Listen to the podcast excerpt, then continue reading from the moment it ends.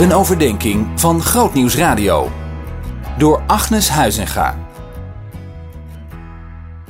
In Jezus' leven zijn kenmerken te vinden die wij ook in ons mogen laten branden. Eén ervan is geen zelfmedelijden. Iets wat je niet hebt, wordt als een negatieve taalvorm benoemd: geen. Maar het is een positief negatief: geen zelfmedelijden. Jezus leefde niet als slachtoffer, maar had vertrouwen en zicht op God. Ook als je zijn leven uitkampt, vind je geen zelfmedelijden. Hij onderging wrede behandeling door hen die hem haten, zelfs door een vriend. Maar je ziet nergens dat Jezus het met zichzelf te doen had.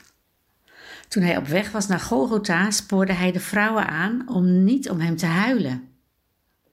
Komende week begint de vaste tijd en we leven 40 dagen lang toe naar het herdenken van het lijden, sterven en de opstanding van Jezus. En ja, wat een emoties zijn er door hem heen gegaan in zijn lijdenstijd. Pijn, angst en vrees. Maar hij was niet op zichzelf gericht in zelfmedelijden, hij dacht aan anderen. Ik vind dat confronterend. Als ik eerlijk ben, heb ik het best wel eens met mezelf te doen. Ik ben een gezegend mens en tegelijk zijn er zorgen en wensen in mijn leven en gaat niet alles zoals ik het gedroomd heb. En zelfs in luxe problemen kan ik het met mezelf te doen hebben.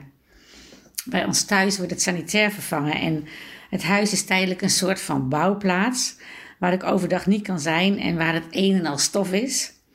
Maar dat vind ik soms best wel vervelend voor mezelf. ik kan er ook alweer om lachen, maar zo dichtbij is zelfmedelijden.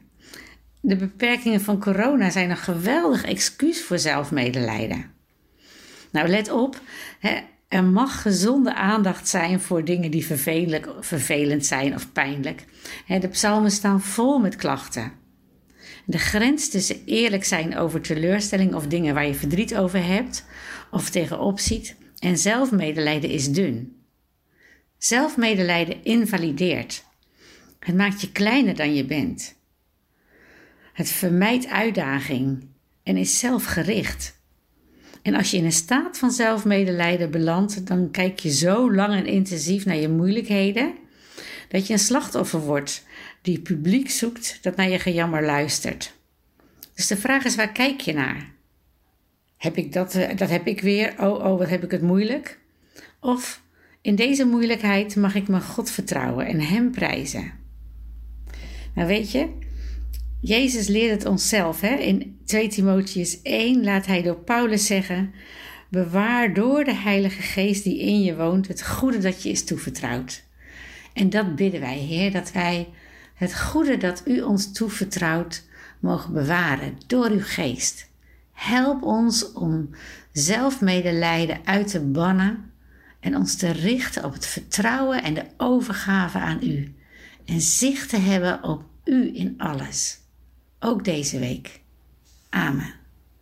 Zien in nog een podcast?